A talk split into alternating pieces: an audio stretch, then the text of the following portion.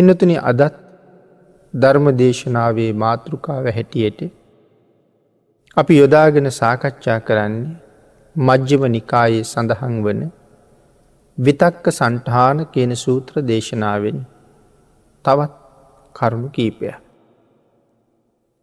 මේ උතුම් සූත්‍ර දේශනාව මුල් කරගෙන ධර්ම දේශනා දෙක මේ වෙනකොට සිද්ධ කරලා තියෙනවා අද ඒ සූත්‍රය මුල් කරගත්ත තුන්වෙනි ධර්ම දේශනාව තමයි මේ සිදු කරන්න සූදානන් වෙන්නේ.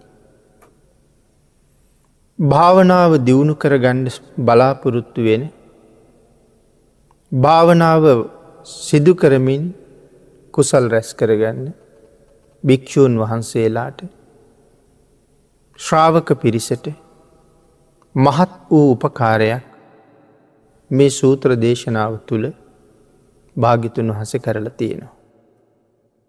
භාවනා කරන වෙලාවට සිතේ උපදින අකුසල චෛතසිකයන් යටපත් කරන්නේ කොහොමද කියන කාරණාව තමයි මේ සූත්‍රයෙන් පැහැදිලි කරන්න.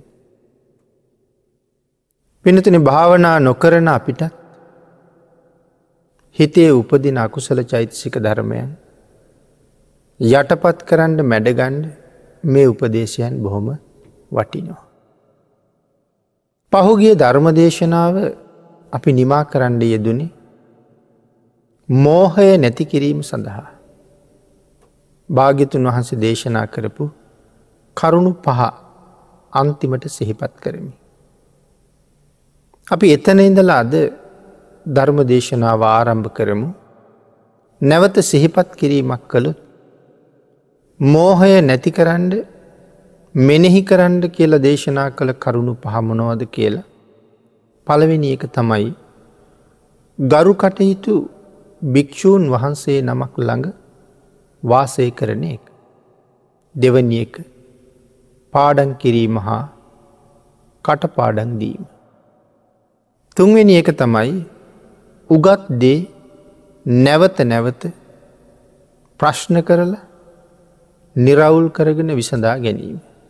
හතරවෙනි කාරණාව කාලයෙන් කාලයට සකසලා ගෞරව පූරකව මනාව සද්ධර්මශ්‍රවනය කිරීම. අවසාන කාරණාව ස්ථාන අස්ථාන පිළිබඳව විනිශ්චය මේ තැනදී මේ දේවල් කළ යුත්තේ මේ විදිහටයි. මේ දේවල් මෙතන කරන්න සුදුසුයි මේ දේවල් මෙතන නුසුදුසුයි කියන කාරණාව මනාව දැන අවබෝධ කරගෙන කටයුතු කිරීම. මේ තමයි මෝහය යටපත් කරන්න දේශනා කරපු කරුණු පහ. මේ පිළිබඳව විස්තර අපි දෙවනි ධර්ම දේශනාවෙන් සාකච්ඡා කරන්න යෙදුනා. අපි අද ධර්ම දේශනාව ආරම්භ කරන්නේ එතන ඉඳලා. පිනතන අපේ බුදුරජාණන් වහන්සේ ඒ කරුණුවලට අමතරව තිස් අටක් වූ අරමුණු විශේෂයෙන්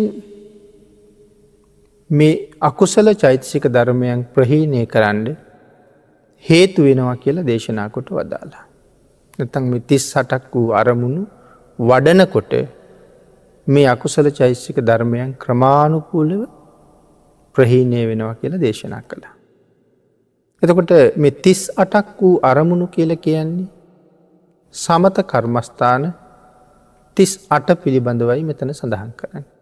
අපි ඒක පැහැදිලි කළා විශුද්ධි මාර්ගයේ එහෙම කරුණු දක්වනකොට කර්මස්ථාන හතලිහක් පැහැදිලි කරනවා. නමුත් මේ සූත්‍ර දේශනාව අට්ට කතාවේ අරමුණු තිස් අටක් කියල ඒ කාරණාව පැහැදිලි කරලා තියෙනවා. නමුත් අරමුණු හතලිහක් කියල කීවත් තිස් අටක් කියල කීවත් වැරදි නැති බව සිහිපත් කරන්න ඕනේ. දොට මේ කර්මස්ථාන තිස් අට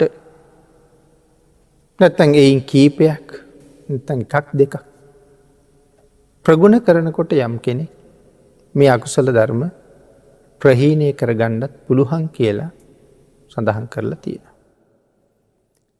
නමුත් මේ දක්වපු කරුණු කෙලින්ම රාගයට දේශයට මෝහයට විරුද්ධ නිසයි මේ තරම් පැහැදිලි කළේ. මුල් දේශනාවල් වල ඒ කරුණු ඒ තරම් පැහැදිලි කළේ. මේ රාගය දේශය මෝහය කියන අකුසල චෛතසික ධර්මයන්ට කෙලින්ම විරුද්ධ නිසා. ඒ කාරණාව මනාව උදාහරණයක් මගින් පැහැදිලි කරලා තිීල තියෙනවා. පින්නතුන මේ ගින්නක් ඇවුලුනහම. ඒ ගින්න නිමන්ඩ අපිට ක්‍රම කීපයක් පාවිච්චි කරන්න පුළුවන්. ගින්න ඇවිලීගෙන එනකොට පස්දාණ්ඩත් පුළුවන්. පස්දාල නිමණ්ඩත් පුළුවන්. එතකොට මේ අමු අත්තු නැතන් තෙත තියෙන අත්තු ඒ උඩ දාලා ගින්න නිමණ්ඩත් පුළුවන්. මේකත් ගින්න නිමන ක්‍රම දෙක. නමුත් පින්නතන මේ පස්වලට යටින් සමහර වෙලාවට ටික ටික යම් ප්‍රමාණයක් තැන්තැන්වල ගින්ද තියෙන්ට පුළුවන්. තෙත අතු යෙදුවට ඒ අතු යටින් ගින්න තැන තැන තියෙන්ට පුළුවන්. නමුත් පිඩතින ගින්නට හාත් පසින්ම විරුද්ධයි ජලය. ජලය යෙදුවොත් ගින්න හොඳටම හොඳටම නිමිල යනවා. අය කොතනවත් අතර පතර අස්සෙ පස්සේ ඉතුරු වෙන්නේ නෑ. ආං ඒ නිසා මෙතන සඳහන් කළා මෙ මුලින් සඳහන් කරපු කරුණු ටික භාවිතාවට ගන්නවනං යොදාගන්නවනං මේ අකුසල කර්මයන් කොතනවත් ඉතුරු කරන්නේ නැතුව හොඳටම ප්‍රහීණය කරන්න පුළුවන්. එනම් මොනවද ඒ මුලින් සඳහන් කරපු කරුණු කියන කාරණාව තුන්වෙනි දේශනාවත් නැවත වතාවක් අපි සිහිපත් කළොත් පින්නතුනී රාගය දේශය මෝහය සම්බන්ධයෙන් තමයි ඒ කරුණු දැක්වී. භාවනා වඩනකොට හදිසියම හිතේ රාගසිතක් පහළවෙන්න පුළුවන්. එහෙම නැත්තං නිමිත්තට නැතන් අරමුණට අමතරව දේශසිතක් පහළවෙන්න පුළුවන්. එම නැත්තං මෝහසිතක් පහළවෙන්න පුළුවන්. අන්න එහෙම වනොත් තමන් මෙනෙහි කරමින් ඉන්න කර්මස්ථානයෙන් අවදි වෙලා නැතන්ගේ කර්මස්ථානයෙන් මිදිලා මේ ඇතිවුණ අකුසල කර්මයට ඒ අකුසලේ යටපත් කරන්න අවශ්‍ය අරමුණක් මෙනෙහි කරන්න කියල කියන. ඒ අහනම් ඒ අරමුණු අතර අකුසල අරමුණු අතර සඳහන් කළා රාගය ඇතිවුණොත් අසුභ භාවනාව වඩන්ඩ පටන්ගඩ කියලා. භාවනා කරමින් ඉන්නේ වෙන ක්‍රමයක්. නමුත් ඒ ක්‍රමයෙන් හිත වඩාගෙන වඩාගෙන යනකොට රාගසිතක් එනවා. දැඟතකොට මේ රාගසිත මැඩ පවත්වන්න ඕන ඉදිරියට යන්ඩන. ඒ හින්ද කරන නිමිත්ත පසක තියලා අසුභය වඩන්ඩ පටන්ගත්ත හම අර උපදින රාගය නැතුව යනවා. එමනම් රාගයට අසුභය එතකොට ඒ සත්වයක් ගැන රාගයක් ඇති වුණුත්න අසුභය වඩන්න පුළුවන් වෙන්නේ. සංස්කාරයක් ගැන රාගයක් ඇති වුණොත් මොකද කරන්නේ. පිනතින එතන වාහනයක් පිළිබඳව කැමැත්තක් ඇති වෙනවා. නැත්තැන් ඇඳ පුටුව ඇඳුම ආදී දේවල් පිළිබඳව කැමැත්තක් ඇති වෙනවා. අං ඒ දේවල් පිළිබඳව කැමැත්තක් ඇති වුණුත් අනිත්‍ය වඩන්ඩ කීවා. මේ දේවල් ස්තීර නෑ කියලා අනිත්‍ය සිහිපත් කරන්න කියල කිවා. රාගයක් ඇතිවුණුත් රාගයට අසුභයයි සංස්කාරයක් කෙරෙහි රාගයක් ඇතිවුණුත් ඒ සඳහා අනිත්‍යයි මෙනෙහි කරන්න කියල කීවා. සත්වයක් කෙරෙහි දවේශය ඇතිවුණුත් පිනිදිරි සඳහන් කළා සත්වයක් කෙරෙහි දේශය ඇතිවුණුත් ඒ දේශසිත පාලනය කර ගැනීම සඳහා මෛත්‍රී කරන්න කියලා. සංස්කාරයක් කෙරෙහි දේශය ඇතිවුණොත් ධාතු මනසිකාරය කරන්න. අපි මේ කාරණාව පැහැදිලි කළා අපිට සමහරලාට ඇඳේ කකුලි නැත්තං පුටුවක කකුලේ අපේ කකුල හැපෙනවා. එතකොට අපිට දවේශයක් ඇතිවෙනවා. ඇඳ ගැන ඒ හැපුන තැන ගැන කේන්තියක් ඇතියෙනවා. නමුත් දැම් මේ කවුරු ගැනද කේන්තිය ඇති කරගන්නේ. හිතක් පිටක් නැති මේ සංස්කාරයක් ගැනෙන්නේ. එතකොට හිතන්ඩ කියව දැන් ඔබ මේ දේශයේ ඇතිකරගෙන තියෙන්නේ පටවි ගැනද. ආපෝ ගැනද තේජෝ ගැනද වායෝ ගැනද. කේන්ති ගත්ත කෙලෙක තේරුමත් තේරුමක් නෑ. අං ඒ නිසා සඳහන් කළේ එහෙම හිතල ධාතු මනසිකාරය කරන්න කියලා. දේශයට මෛත්‍රයයි ධාතු මනසිකාරයයි. මෝහයට උපනිශ්‍රය වූ ධර්ම පහයි. මෝහයක් ඇති වුණු එක නැති කරගණ්ඩ ධර්මතා පහක් මෙනෙහි කරන්න කියල කිවා. අපි මේ දේශනාව පටන් ගන්නකොට මුලින්ම ඉතාම කෙටියෙන් කරුණු පහත් මතක් කලා කලින් දේශනාව පැහැදිලි කලා කියලා. අං ඒ කරුණු පහ තමයි මෙතන සඳහන් කළේ මෝහයට උපනිශ්‍රය ධර්මතා පහයි. මෝහයක් ඇතිවුණොත් ඒ ධර්ම පහ ඔස්සේ ඒ මෝහය නැති කරගන්න කියලා. පිනතන මේ අකුසල් වලට කෙලුම්ම විරුද්ධ නිසයි එහෙම දැක්වී කියල සඳහන් කරනවා. මේ කාරණටික අකුසලයට කෙලින්ම විරුද්ධයි. රාගයට අසුභය කෙලින්ම විරුද්ධයි. දේශයට මෛත්‍රිය කෙලින්ම විරුද්ධයි. ඒවාගේ එමනං සංස්කාරයක් කෙරෙහි ඇතිවුණුත් කොහොමද. රාගය ඇතිවුණුත් අනිත්‍ය එම නැත්තං ධාතු මනසිකාරය. මේ දේවල් කෙලින්ම මේ අකුසල්ලෝට විරුද්ධ හින්ද තමයි පෙන්නලා තියෙනෙ කොයිවාගේද ගින්න නිමන්ඩ යොදාපු ජලය වගේ තමයි මේ කාරණ ටික කියන කාරණාව පැහැදිලි කරනවා. එතකොට පින්නතුන පළමු ක්‍රමේදී කුසලය සහිත අරමුණක් බොහෝ වාර්ගණනක් මෙනෙහි කරනකොට අකුසලය නැති වෙලා ය. අකුසලය ඇති වෙනකොට කුසල් සිතක් තමයි අරමුණු කරන්න කිය. එතකොට අකුසල් සිත හිමීට අපේ හිතින් බැහැර වෙලා යනවා. එතට පළමු ක්‍රමේ අපි පැහැදිලි කලා මෙන්න මෙහෙම උදාහරණයක් වඩු බාස් කෙනෙක්. ලොකු ඇනය කුඩා ඇනයකින් පහරදීලා තමන්ට ගලවන ගලවන්ඩ වුවමනා ඇනේ ටික ටික එලියට ඇදල ගන්නවා. ලීයක ලොකු ඇනයක් ගහලතිනවා. දැන්ගේ ලොකු ඇනේ ගලවන්ඩුවනේ. එක ගලවන්ඩ කුඩා ඇනයක් අරගෙන අර ලොකු ඇනේ වටේටම මොකක් හරි උපකරණයක් කරගෙන කුඩා ඇනින් තට්ටු කරනවා. තට්ටු කර කර තට්ටු කර කර ලොකු ඇනේ බුරුල් කරනවා. බුරුල් කරලා හොඳටම බුරුල්ලුන හම අතින් අරන්දානවා. පිනතින එතන අර ලොකු ඇනේ වැදිල තියෙන ලීය හිත වගේ දකින්න කියලා කිව්. ලොකු ඇනේ ගහල තියෙන ලීය අපේ හිත වගේ.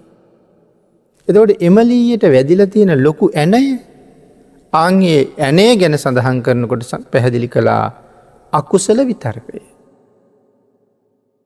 ලීය අපේ හිත වගේ ඒ ලීයට වෙහල තියෙන ලොකු ඇනය අපේ හිතේ තියෙන අකුසල විතර්කය. එතකොට කුඩා ඇනයෙන් තට්ටු කරනවා කියලා කීවේ ඒ ලොකු ඇනේ ගලවන්ඩ තට්ටු කිරීම අසුභ භාවනාවේ කුසල නිමිත්ත හැටියට දකිට. ඇනේ රාගය නම් රාගය නැති කරන්න කිය අසුභ භාවනාවන්නේ. එතකොට අසුභ භාවනාව මෙනෙහි කරනකොට මෙනෙහි කරනකොට රාගය ටික ටික ටික ටික අයින් වෙලා යනවා. එන කුඩා ඇනෙන් වටේට හෙමීට හෙමීට තට්ටු කරනකොට මහඇනේ ටික ටික ටික ටික උඩටේනවා. හොඳටම බුරුල්ලුන හම ගලෝලා විසි කරන්න පුළුවන්. ඒක තමයි ඒ උදාහරණයෙන් පැහැදිලි කරන්න යෙදෙන. එහෙම කුඩායනයෙන් තට්ටු කරලා ලොකුවැනය ගැලවීම දකිින්ට කිවි අසුභ භාවනාවේ නිමිත්ත හැටියට. අසුභ භාවනාවෙන් රාග නිමිත්ත ගලවලා අයින් කරනවා වගේ. මේක තමයි මේ විතක්ක සන්ටාන ක්‍රමයේ පලවෙනි ක්‍රමේ. විතක්ක සන්ටාන සූත්‍රයේ කාරණා පහක් පැහැදිලි කරනවා. අපි ඒක මුල් දේශනාවල්ල විස්තර කළා. එතවට පිනතින දැන් දේශනා දෙකක් ඉවරයි තුන්වෙනි දේශනාවත් ආරම්භ කරලා මේ වෙනකම්ම අපි කතා කළේ මේ කාරණා පහේ පළවෙනි කාරණාව. ඊළඟට දෙවනි ක්‍රමයෙන් සඳහන් කරනවා මේ විතක්ක සන්ටානයේ දෙවනි ක්‍රමය අප ඊළඟට සාකච්ඡා කරන්නේ. සඳහන් කරන්නේ චන්දය දේශය මෝහය. භාවනා කරන වෙලාවට හෝ විවේකීව ඉන්න වෙලාවට අපේ හිතේ පහළ වෙනවන චන්දය කියල කියමකේටද රාගයට. රාගය දවේශය මෝහය. භාවනා කරන වෙලාවට තිතට එනවා. අපි නිකං ඉන්නකොටත් මේ අකුසල ධර්මයන් විටිං විට විටිං විට අපේ හිතට එනවා. මේ අකුසල විතර්ක පහළවීමේ ආදීනවේ කල්පනා කරන්න කියල කියනවා. මේක තමයි අකුසලේ අයින් කරන දෙවනි ක්‍රමය. අකුසල සිතක් ඉපදුනහම ඒක ආදීනවේ මොකක්ද. එන සඳහන් කරනවා මේ සිතුවිලි අකුසල් අකුසල් නං වැරදි මෙහෙම සිතුවිලි මෙනෙහි කිරීමෙන් දුක්විදින්ට සිද්ධ වෙනවා. අකුසලයක් නං එතන මොකක්ද තියෙන්නේ දුක. කුසලයක් නං එතන තියෙන්නේ මොකක්ද සැප. එනම් අකුසල් මෙනෙහි කිරීමෙන් අපිට දුක්විදින්ට වෙන බව භාගිතුන් වහස දේශනා කරලා තියෙන. මොකද පින්නතුන සමහර අකුසල සිතුවිලි සෝමනස්ස සහගතයි. අකුසලයේ මෙනෙහි කරන්න මෙනෙහි කරන්න ඇතිවෙන්නේ සතුට. ඒ සතුට නිසා අපි අකුසලයේම ඇලිල ඉන්න. රාගසිතක් ගෙන හිතන්නකු. පාරය යනකොට ලස්සන රූපයක් දැක්කා. ඒ රූපය පිළිබඳව මගේ හිත දැන් ඇලිලයි තියෙන්නේ. පාරය යනකොට වෙන්ඩ පුළුවන් පාසලේදි වෙන්ඩ පුළුවන් කාර්යාලයේදි වෙන්ඩ පුළුවන් වෙනත් තැනකදිවෙන්ඩ පුළුවන් ස්ත්‍රී රූපයක් හෝ පුරුෂ රූපයක මගේ හිත ඇල්ලුනා. දැන් විවේකයක් ලද හැම මොහොතකම ඒ රූපය ගැන කල්පනා කර කර රාගසිතින් යුක්තව ඉන්න අපි හරි කැමති. නින්ද යන තුරුමත් සමහරලාවට ඒ ගැනම මෙනෙහි කර කර හිත රාගීන් පුරුවගන්න. අවදිවෙච්ච හැම මොහොත්තකම වාගිත් නැවත නැවත දකිින්ට ලැබුණොත් හොඳයි කියල හිතෙනවා. නැවත නැවත දකිින්ඩ උත්සාහ කරනවා. ඒ සඳහා අවශ්‍ය වටපිටාව හදනවා. හද හදා මෙනෙහි කරන. සතුටක් නෙමෙයි ද අපිට තියෙන එතකොට. ඒක මෙනෙහි කරන එක සතුටක්. ඒක එකේ සෝමනස්ස සහගතයි සතුටින්ම කරන. නමුත් සතුටු සිතින් යුක්තව කල්පනා කලාට විපාකය කොහොමද දුක් සහිතයි. එහි විපාකය දුක්කදායකයි. සතුටින්ම හිතනවා අන්තිමට ඒක නිසා මහා දුකක් විඳින්න සිද්ධ වෙනවා. ආං එහෙම හිතලා මම මේ හිතන හිතුවිල්ල අනාගතයේ මට මහා දුකක් පුරුම කරනව නං දුකට අකමැති මම ඇයි දුක් විඳින්ට හේතුවෙන දේවල් කරන්නේ එල කල්පන කරන්න ඕන. අපේ ව්‍යාපාරයක් පිනතුන අපි කරන යම් පොඩි වැරද්දක් නිසා ක්‍රමාණුකූලව ව්‍යාපාරය දුරුවල වෙනවන. අපි කරන පොඩි වරදක් නිසා අපේ ව්‍යාපාරයේ දියුණුවීම සඳහා සම්බන්ධ වෙන අනික් අය දවසින් දවස අපින් මග හැරෙනවනං අත්හැරලදානවනං එන්නේ නැතුව යනවනං පාරිභෝගිකයාගේ සහයෝගය අපිට ලැබෙන් නැතුව යනවන අපි ඒ වැරද්ද කරන එකේ තේරුමක් තේරුමක් නෑ අපි කැමති ඒ අය ගෙන්න්නගෙන දවසින් දවස ව්‍යාපාරයේ දියුණු වෙනවට. එහෙමනම් මේ අකුසල චෛතසිකය නිතර නිතර මෙනෙහි කිරීම තුළ මට වෙන්නේ අයහපතක් නං මංගේ අකුසලේ මෙනෙහි කරන එකේ තේරුමක් නෑ. පිනතින මේ හැම අකුසල විපාකයක්ම බුදුරජාණන් වහන්සේගේ උපදේශයට පටහැනීනි. අකුසලයක් නම් ඒක භාගිතන් වහසට පටහැනි. ඇයි බුදුරජාණන් වහසේ කොහොමද අපිට කරුණු දේශනා කළේ සබ්බ පාපස්ස අකරණ. සියලූම අකුසල ධර්මයන් නොකරන්ඩ. සියලු අකුසලයන්ගෙන් වලකින්ඩ එක තම භාගිතුන් වහසගේ උපදේශය. එතකොට දැන් භාගිතුන් වහසේ එහෙම උපදිස් දීල තියෙනකොට අපි කරගෙන යන්නේ අකුසල් නං භාගිතුන් වහසට අපි විරුද්ධයි. ඒ දේශනාවට අපි විරුද්ධයි. අං ඒ නිසා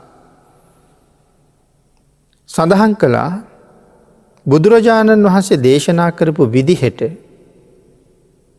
අකුසලයෙන් ඈත්වෙලා කුසල කර්මයක් මත හැම වෙලාම කටයුතු කරන්න කියලා. ඉතිපි මේ විතක්කා අකුසල ඉතිපි මේ විතක්කා සාවජා. මෙසේ මේ විතර්කය අකුසලයකුත් වෙනවා මෙසේ මේ විතර්කය වැරදිත් වෙනවා. අගේ නිසා මෙසේ මේ විතර්ක දුක්ක විපාකත් ගෙන දෙනවා කියලා එහි ආදීනවේ දේශනා කරලා තියෙනවා. ඒ ගැන පින්නතුන අපි මේ විදිහට කල්පනා කළු. යම් තැනක ඉඳලා අපි නිවන දිහාට යනවා. තැනක ඉඳලා අපි නිවන පැත්තට ඇවිදගෙන යනවා. කුසලස්ස උප සම්පදා කියන මට්ටමෙක් තමයි අපි මේ නිවන පැත්තට ඇවිදගෙන යන්නේ. සබ්බ පාපස්ස අකරනං කුසලස්ස උප සම්පදා. පාපයන්ගෙන් වැලකිලා ඉන්න හැම මොහොතකම අපි යන්න කොහාටද නිවන පැත්තට. නමුත් කුසල ධර්මයන් අත්හැරලා අකුසල ධර්ම මත යෙදෙනවා කියල කියන්නේ. අපි නිවන පැත්තට යන එක නතර කරලා ඊළඟට කොහාට දෙයන්නේ. ඊළඟට යන්නේ නිරය පැත්තට. අකුසලයෙන් වැලකිලා ඉන්න හැම මොහොතක්ම නිවන පැත්තට යනවා අකුසල් සහිතව ඉන්න හැම මොහොතකම නිරය පැත්තට යනවා. අන්න ඒ නිසා මේ අකුසල සිත් අපේ සිතේ වැඩෙන්ඩ ඉඩහැරිය හම අපි නිවන දිහාට ගමන් කරන එක අතහැරලා සතරාපාය පැත්තට යනවා. එහෙනම් අකුසලයක් හිතට එන හැම මොහොතකම බයක් ඇති කරගණ්ඩෝ නෑ මොකද මම නිරයට කැමති නැති කෙනෙ. එනම් මේ නිරයට යන හේතුවක් තමයි එළඹිලා තියෙන්නේ. ඒ නිසා ඒකෙන් වලකින්ඩෝන. මැරෙන්ඩ අපි හැමෝම අකමැති.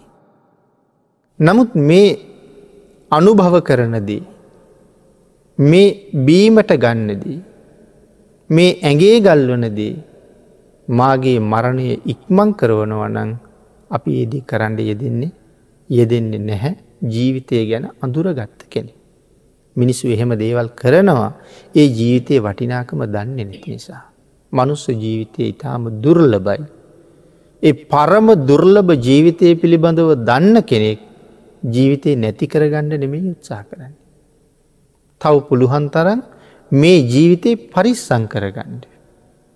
ඒ පරිස්සං කරගන්න උත්සාහ කරන්නේ මේ ලෝකෙ තව හුඟ කාලයක් ඉන්ඩ ඕන නිසාම නෙමේ. මේ ලෝකෙ ජීවත් වෙනකොටත් එන්ඩෙන්ඩ බොහෝ දුක්තියෙන බව දන්නවා. නමුත් පින්නතුනේ මීට වඩා සුගතියකට යන්ඩ බොහෝ කුසල් රැස්කරගණ්ඩ මේ ආත්ම භාවේ මට හරි වටිනවනේ. ලෙඩෙක් වෙලා දීර්ඝ කාලයක් ජීවත්තෙන්ට වුණොත් මට කුසල් කරන්න හම්බ වෙන්නේ. ඒ නිසා ලෙඩ නොවී නිරෝගීව හිටියොත් බොහෝ කුසල් රැස් කරන්න පුළුවන් නිසා ඔහු ඒවාගේ ලෙඩ වෙන දේවල් කරන්නේ. ඒ නිසා ඒ වගේ තමයි නිරය පැත්තට යනවනං අකුසල විතර්ක හිතේ නැගෙනකොට ඒ අකුසල විතර්කය කෙරෙහි බයක් ඇති කරගන්නවා අකුසල විතර්කය වහාම මැඩ පවත්වන්න ඕන කියල හිතනවා. පිනතින අපේ බුදුරජාණන් වහන්සේ තමන් වහන්සේගේ ශ්‍රාවකයෙක් හැටියට යම් කෙනෙක් ගැන සලකනවන්න. එමනත්තන් අපි හිතාගෙන ඉන්නේ අපි බුදුරජාණන් වහන්සේගේ ශ්‍රාවකයෝ කියලන. භික්‍ෂු භික්‍ෂුණී උපාසක උපාසිකා සිව්වනක් පිරිසකින්න. එතට අපි ඔක්කොම භාගිතුන් වහන්සේගේ ශ්‍රාවක සිව්වනක් පිරිසි. එතොට භාග්‍යතුන් වහන්සේගේ ශ්‍රාවකය හැටියට අපි කරන වැඩේ ඒත් වැරදි. භාගිතුන් වහසගේ ශ්‍රාවකය හැටියටත් අකුසල් කරන එක වැරදි. රහතන් වහන්සේලා ගිය පැත්තර නෙමෙයි එතකොට අපි යන්නේ නිරේ පැත්තට. අගේ නිසා ආර්යන් වහන්සේලගේ අනුකම්පාවත් අපිට ලැබෙන්නේ නැතුව යනවා. පිනතන අපි යන පාරි එක පැත්තක නිවන තව පැත්තක නිරය කියල අපි සඳහන් කළා මේ අකුසල සිතුවිල්ලත් එක්ක ඉන්න හැම මොහොතකම අපි යන්නේ නිරේ පැත්තට නං ඒ පිළිබඳව ලොකු බයක් ඇති කර ගණ්ඩෝන කෙල සිහිපත් කළ එකයි. අකුසල සිත මැඩගෙන නැවත කුසල් සිතක ඉන්නකොට අපි එතනිදල ආපහු යන්නේ කොහාටද නිවන පැත්තට. දැම් පිනතන හිතල බලන්ඩකු අපේ සසර මෙච්චර දික්කුණේ ඇයි කියලා. අපි මෙහෙම කල්පනා කළොත්. දවසකට පැය විසි හතරක් තියෙනවා. දැම් මේ පැය විසි හතර ගත්තහම අපි මේ පැය විසි හතරෙන් පැය කීයක් පින් කරනවාද. අපි පෞද්ගලිකෝම අපි ගැන කල්පනා කරලා බැලුත් පැය කීයක් පින් කරනවාද. එතකොට කුසල් නොකරන හැම මොහොතකම එක්කො රාගය නැත්තං දේශය එහෙම නැත්තං මෝහ එරිතියන්නේ. සමහර වෙලාවට කෙනෙක් පැය දෙකක් විතර බනාහනුව වෙන්ඩ පුළුවන්. එකත් බණ අහන්ඩෝනෑ බණ ඇහිල හරියන්නේ නෑ. හුඟක් අය සමහරලාට සඳහන් කරනවා පැ විසි හතරම බණ අහනවා කියන කතාවයි කියන්න හතන. නමුත් පෑ විස්ති හතරම අපි අපි වැඩ කරනවා. ධර්මදේශනත් ප්‍රචාරය වෙනවා. විටිං විට ඇහෙනවා. අහනව නෙමේ බණ ඇහෙනවා. බණ ඇහෙනවයි බණ අහනවයි කියල කියැනෙ දෙක. මනාව භාග්‍යතුන් වහසේ දේශනා කරපු විදිහට බණ ඇහුවොත් තමයි ධර්මශ්‍රවනානි සංසේ ලැබෙන. එහෙමනම් අපි පෑ දෙකක් බණ ඇහුවොත්. තවත් පෑ භාගයක් විතර බුද්ධ වන්දනාවට වාගේ යොදා ගත්තොත්. තවත් පෑ භාගයක් විතර ඒ සඳහා සූදානං වුණුත් මල් නෙලනවා පහන් පිරිසිදු කරනවා ආසන පිරිසිදු කරනවා අමදිනවා මේ දේවල් කරගෙන පැයක් විතර යොදාගන්නවා බුද්ධ වන්දනාවට. තොට පැත් දෙකක් බනැහුව පැයක් බුදුන් වෙන්දා. තව පෑ විසි එකක් තියෙනවා. ඒ පෑ විසි එකෙන් අපි කියම අපි පෑ අටක් නිදාගත්ත කියලා. තවත් තියෙනවා පැය දහත්තුනක් විතරයි. එතකොට ඒ පැය දහත් ඉතුරු කාලය තුළ අපි කොච්චර අකුසල් කරන්න දෙන ඒ මුළු කාලේ මකුසල් තමයි කරලති. එතකොට නිරේ පැත්තට දීර්ඝ කාලයක් ගමන් කරලා. නිවන පැත්තට පැෑතුනක් විතර ගමන් කරලා.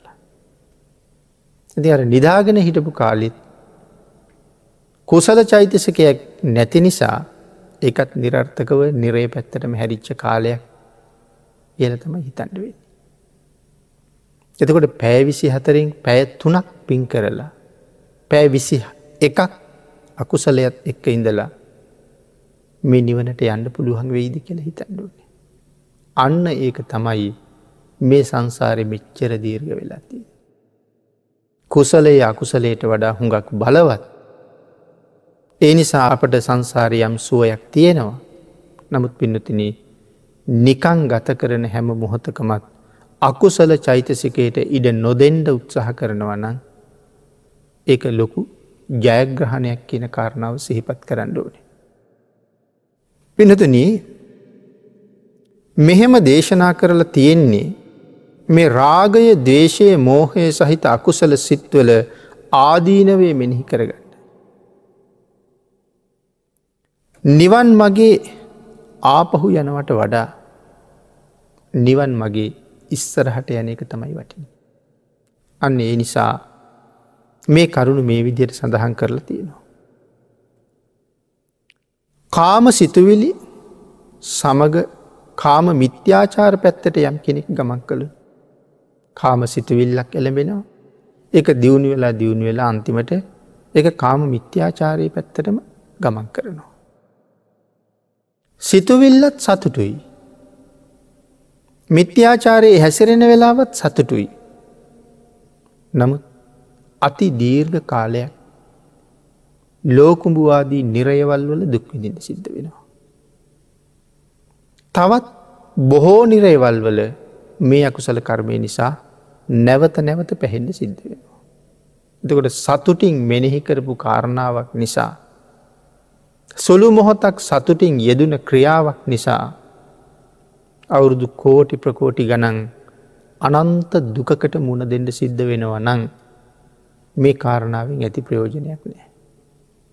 කියන කාරණාව මෙනෙහි කරලා කුසලෙන් ඇත්තෙන්ඩුවනේ. දේශය සහිත වුණොත් පිනතින මහා අකුසල් කන්දරාවක් රැස්සෙනවන්නේ. මේ සූත්‍රයේ මුලයිඳල අපි ගැන කරුණු සාකච්ඡා කළා. දවේශයේ. ලොකු කුඩා අපි හැමෝටම ඇතිවෙන අකුසලයක් නෙමේ දේශය කියල කියන්නේ. නැති කෙනෙක් නැති තරම්. හිත හොඳට දියුණු කරගත්ත කෙනෙක්. මෛත්‍රිය හොඳට ප්‍රගුණ කරගත්ත කෙනෙක්. දේශයෙන් මැගෑරුණ මිසක්. සීයට අනු නමයක් තරම්ම දවේශය උපදිනාය. නමුත් එක බලවත් සහ භයානක කුසල කරමය. සමහර කෙනෙ සසර සුවය බලාපොරොත්තු වෙනවන. නිවන් දකිනතුරු ප්‍රිය මනාපව උපදින්ට බලාපොරොත්තු වෙනවන. තමන්ගේ ඉන්ද්‍රියන් ප්‍රසන්නව උපදිනවට කැමතිනම් ඒ අයි මුලින්ම කළ යුත්තෙමකක්ද දවේශයෙන් ඇත්තෙන එක. මල්ලිකෝවාද සූත්‍රයේ භාගිතුන් වහන්සේ මේ කාරණාව හරි අපූරුවට පැහැදිලි කරලා තියෙනවා. යම් කෙනෙක් ලස්සන වෙලා උපදින්ට ඕනන මොකදද ප්‍රගුණ කරලා තියෙන්ට ඕනේ. මෛත්‍රිය. දවේශය හිතින් ඈත් කරලා ඉන්නවන එතන මෛත්‍රිය තියෙන. යමෙක් තුළ මෛත්‍රිය තියෙනවනං ඔහු ඊළඟට උපදිනකොටත් ඉතා ප්‍රසන්නව ප්‍රසන්නව උපදිනවා. තැක් සමහර වෙලාවට දේශයාපු හම අපි සමහර කෙනෙක් දිහා බොහොම රවල බලන. ඒ බලන මූුණ ප්‍රියමනාපද ප්‍රවාගෙන ඉන්න කෙනෙකුගේ මුහුණ ප්‍රියමනාප නෑ. එහෙමනම් ඒ රවල බැලීම නිසා සමහට සංසාරය අපිට ආය උපදිනාත්මවල හම්බ වෙන්නේ රතුපාට ඇස්. එහෙමනැත්තං බොරපාට ඇස් සමහර කෙනෙකු ගැස් දිහබල් අපි කියනවා නිල් පාටයි හරි දීප්තිමත් කියලා. නමුත් සමහර කෙනෙකුට තියෙන්නේ බොරපාට ඇස් දෙක. එත රතු පාට ඇස් දෙක. ඒ ඇස් ප්‍රියමනාපනෑ. ඒ සසර රවල බලාපු නිසා විපාක දෙන එක පැත්ත. දෙ රවල බලනකොට මුහුණ කළු වෙනවා. සමහට නහරවල් ලිලිප්පෙනවා. අප්‍රසන්න පෙනුමක් කෙනවා. දකිින්ඩ අකමැති අනික් කෙන. යමෙක් අරබුණු කරලා රැව්වනං ඒ දැකපු පුද්ගලය වහාම බිම් බලගන්නවා. ඇත අහක බලාගන්න. අප්‍රසන්නයි. ඒමනං මේ දේශය සහිත අකුසල කර්මය නිසා මට ඊළඟට හම්බ වෙන මුහුණත් ඒ වගේම අප්‍රසන්න මුහුණ. අනික් අය දකිින්ට අකමැති මුහුණක් තමයි සමහරලාට හම්බවේ. පිනතන එහෙම උනහම අපට එතනින් එහාට ලස්සනකුත්නේ නැවත නැවත දුකට භාජනය වෙනවා. අපි කලිනුත් දේශනය මතක් කළා දේශ සහිතව මැරුණොත් එහෙම සතර අපායි උපදිනවා. යකෙක් වෙන්ඩ පුළුවන් විස සහිත සතෙක් වෙන්ඩ පුළුව. මරණාසන්න මොහොත නමුත් කෙනෙකුට කරදර නොකරන එක හරි වටිනවා. මොකද බොහොම වේදනාවෙන් ඉන්න කෙනෙක්නේ මරණාසන්න කෙනා කියල කියන්නේ. නමුත් අපි බොහෝ වෙලාට සමහරලට එහාට ඔසෝනවා මෙහාට ඔසෝනවා නැවත රෝහල් ගත කරන්න හදනවා. ඉතින් ඒ අපි ඕසවගෙන යනකොට වාහනෝල්ට ගොඩ කරනකොට වාහනින් බස්සනකොට නොයෙක් ආකාරී කටු ගහනකොට අපි දන්නවා වැඩි වෙලා ජීවත්තෙන්නේ කියලා. සමහට රෝහල්නුත් එවල තියෙන දැන් ගෙදර එක්ක ගිහිල්ල හොඳට කණ්ඩ බොන්ඩ දිල සල කණ්ඩ කෙලේ ගොල්ලටත් එතනින් හට කරන්න දෙයක් නැති නිසා. දැන් අවසානය ජීවිතය අසාධ්‍ය වෙලා අන්තිම මොහොතට ඇවිල්ල ඉන්නල අපි ආයිත් කෑකෝ ගහගහ වදයක් දෙනවා. ඉතින් ඒ වෙලාවට දවේශ සිතක් ඇතිවෙන්න පුළුවන් වේදනාවත් එක්. ඉතින් ඒ දවේශයත් එක්ක මරණයට පත් වනොත් නිරයක ඉපදෙන්ට තියෙන ඉඩ කඩවෙඩි. ජීවත් වෙලා ඉන්න කාලෙ හුඟක් පින් කරගත්ත කෙනෙක් වෙන්ඩ. නමුත් අවසාන මොහොතේ තියෙන්නේ අකුසල සිත දේශ සිත. නිරයේ ඉප දෙන්නත් පුළුවන් එමට යකෙක් වෙලා ඉප දෙන්නත් පුළුවන් දේශයහින්ද. දෙම නැත්තං සඳහන් කරනවා ඔය විස සහිත සත්තු නයි පොළොංගු ගෝනුස්සු ආදී විස සහිත සත්තු වෙලා ඉප දෙන්නත් පුළුවන්. අං ඒ නිසා දේශය හරි භයාන කකුසල කර්මයක් කියන එක පැහැදිලි කරන්න ඕනේ. නැවත මනුස්සලෝක ඉපදුනත් නිත්තරම කේන්ති යන පුද්ගලයෙක් වෙලා තමයි උපදින්නේ. සමහරාය අපි අතර ඕන තරම් ඉන්නවා. සුළු දේට ඉතා සුළු දේටත් කේන්ති ගන්නවා. මොකොවත් නොතේරෙන නොදරුවෙකුගේ වැඩටත් කේන්ති ගන්න ඔය දරුවට මොකොවත් තේරෙන්නේ සමහට තියෙන එකක් හලනවා පෙරලනවා කඩනවා නමුත් ඒකටත් කේන්ති ගන්නවා. දේශ සිත් උපදවා ගන්නවා. ආං එහෙම කෙනෙක් වෙලා ඉපදිලා ආපහු ආපහු අකුසලයම පුරවුණු. ආගේ නිසා දේශයේ වඩන්ඩ වඩන්ඩ නැවත නැවත ප්‍රතිඵලය හැටියට ලැබෙන්නෙත් දවේශයමයි කියන කාරණාව සඳහන් කරලා මේ දවේශය නම් වූ අකුසල කර්මයෙන් ඉවත්වෙන්න කියන කාරණාව විශේෂයෙන් සිහිපත් කරනවා. මෙතන පිඩතන උදාහරණය තියෙනවා ලස්සන වෙන්න තම ශරීරය සරසගණ්ඩ කැමති ස්ත්‍රයක් හරි පුරුෂයෙක් හරින්නවා. ඒ පුරුෂයත් කැමති හරි ලස්සනට ඉන්න ස්ත්‍රියක් ඉන්නවා ඒ ස්ත්‍රියත් කැමති හරි ලස්සන්ට ඉන්ඩ. හැම වෙල්ලාම හොඳට නාල කිසකෙස් පීරලා කෙස් රැවුල් කපල අලුත් ඇඳුම් ඇඳල බොහෝම පිරිසිදුවට ඉන්නවා එහෙම ඉන්ඩත් හරි කැමති. හදිසියේ කවුරු හරි මැරිච්ච ගැරඩිකුණක් නැත්තං සරපකුණක් ගෙනල්ල අර පිරිසිදුව ඉන්ඩ කැමති පුද්ගලයාගේ කරටදානවා.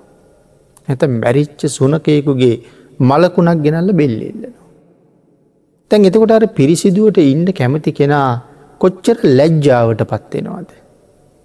කොයි තරම් අප්‍රසන්න සිතක් ඇති කරගන්නවාද මේ ඇතිවෙච්ච දේ නිසා. දෙනම් ඔහු හෝ ඇයමකද කරන්නේ.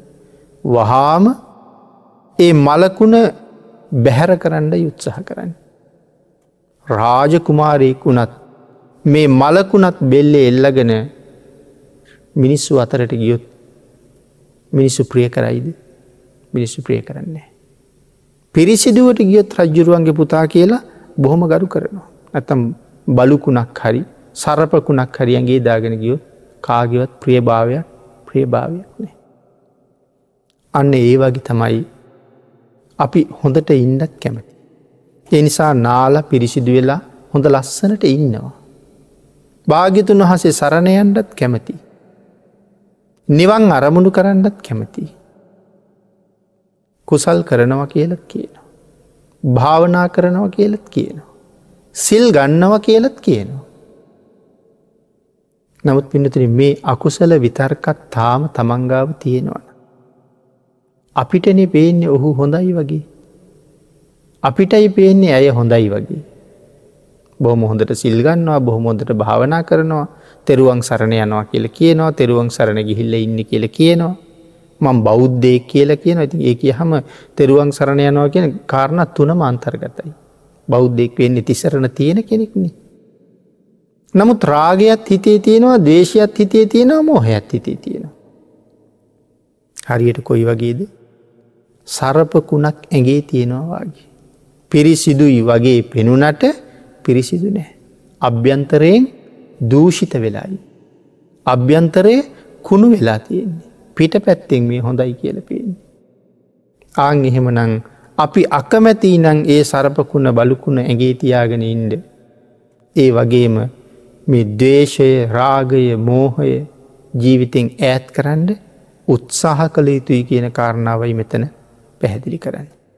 එහෙම වුණොත් කෙනෙක් හරි ප්‍රියමනාපයි ඒ ජීවිතයේ හරි ලස්සනයි. මරණයෙන් පස්සේ සුගතිගාමී වෙන්ඩ පුළුවන් හොඳ ජීවිතයක් පෝෂණය කරන කෙන. පිනතින ධර්ම දේශනාවට තියෙන කාලේ නිමා වෙලා තියෙන නිසා. විතක්ක සන්ටහන සූත්‍ර දේශනාව නිමිති කරගෙන සිද්ධ කරන තුන්වැනි ධර්ම දේශනාව අපි මේ විදිහිට නිමා කරමු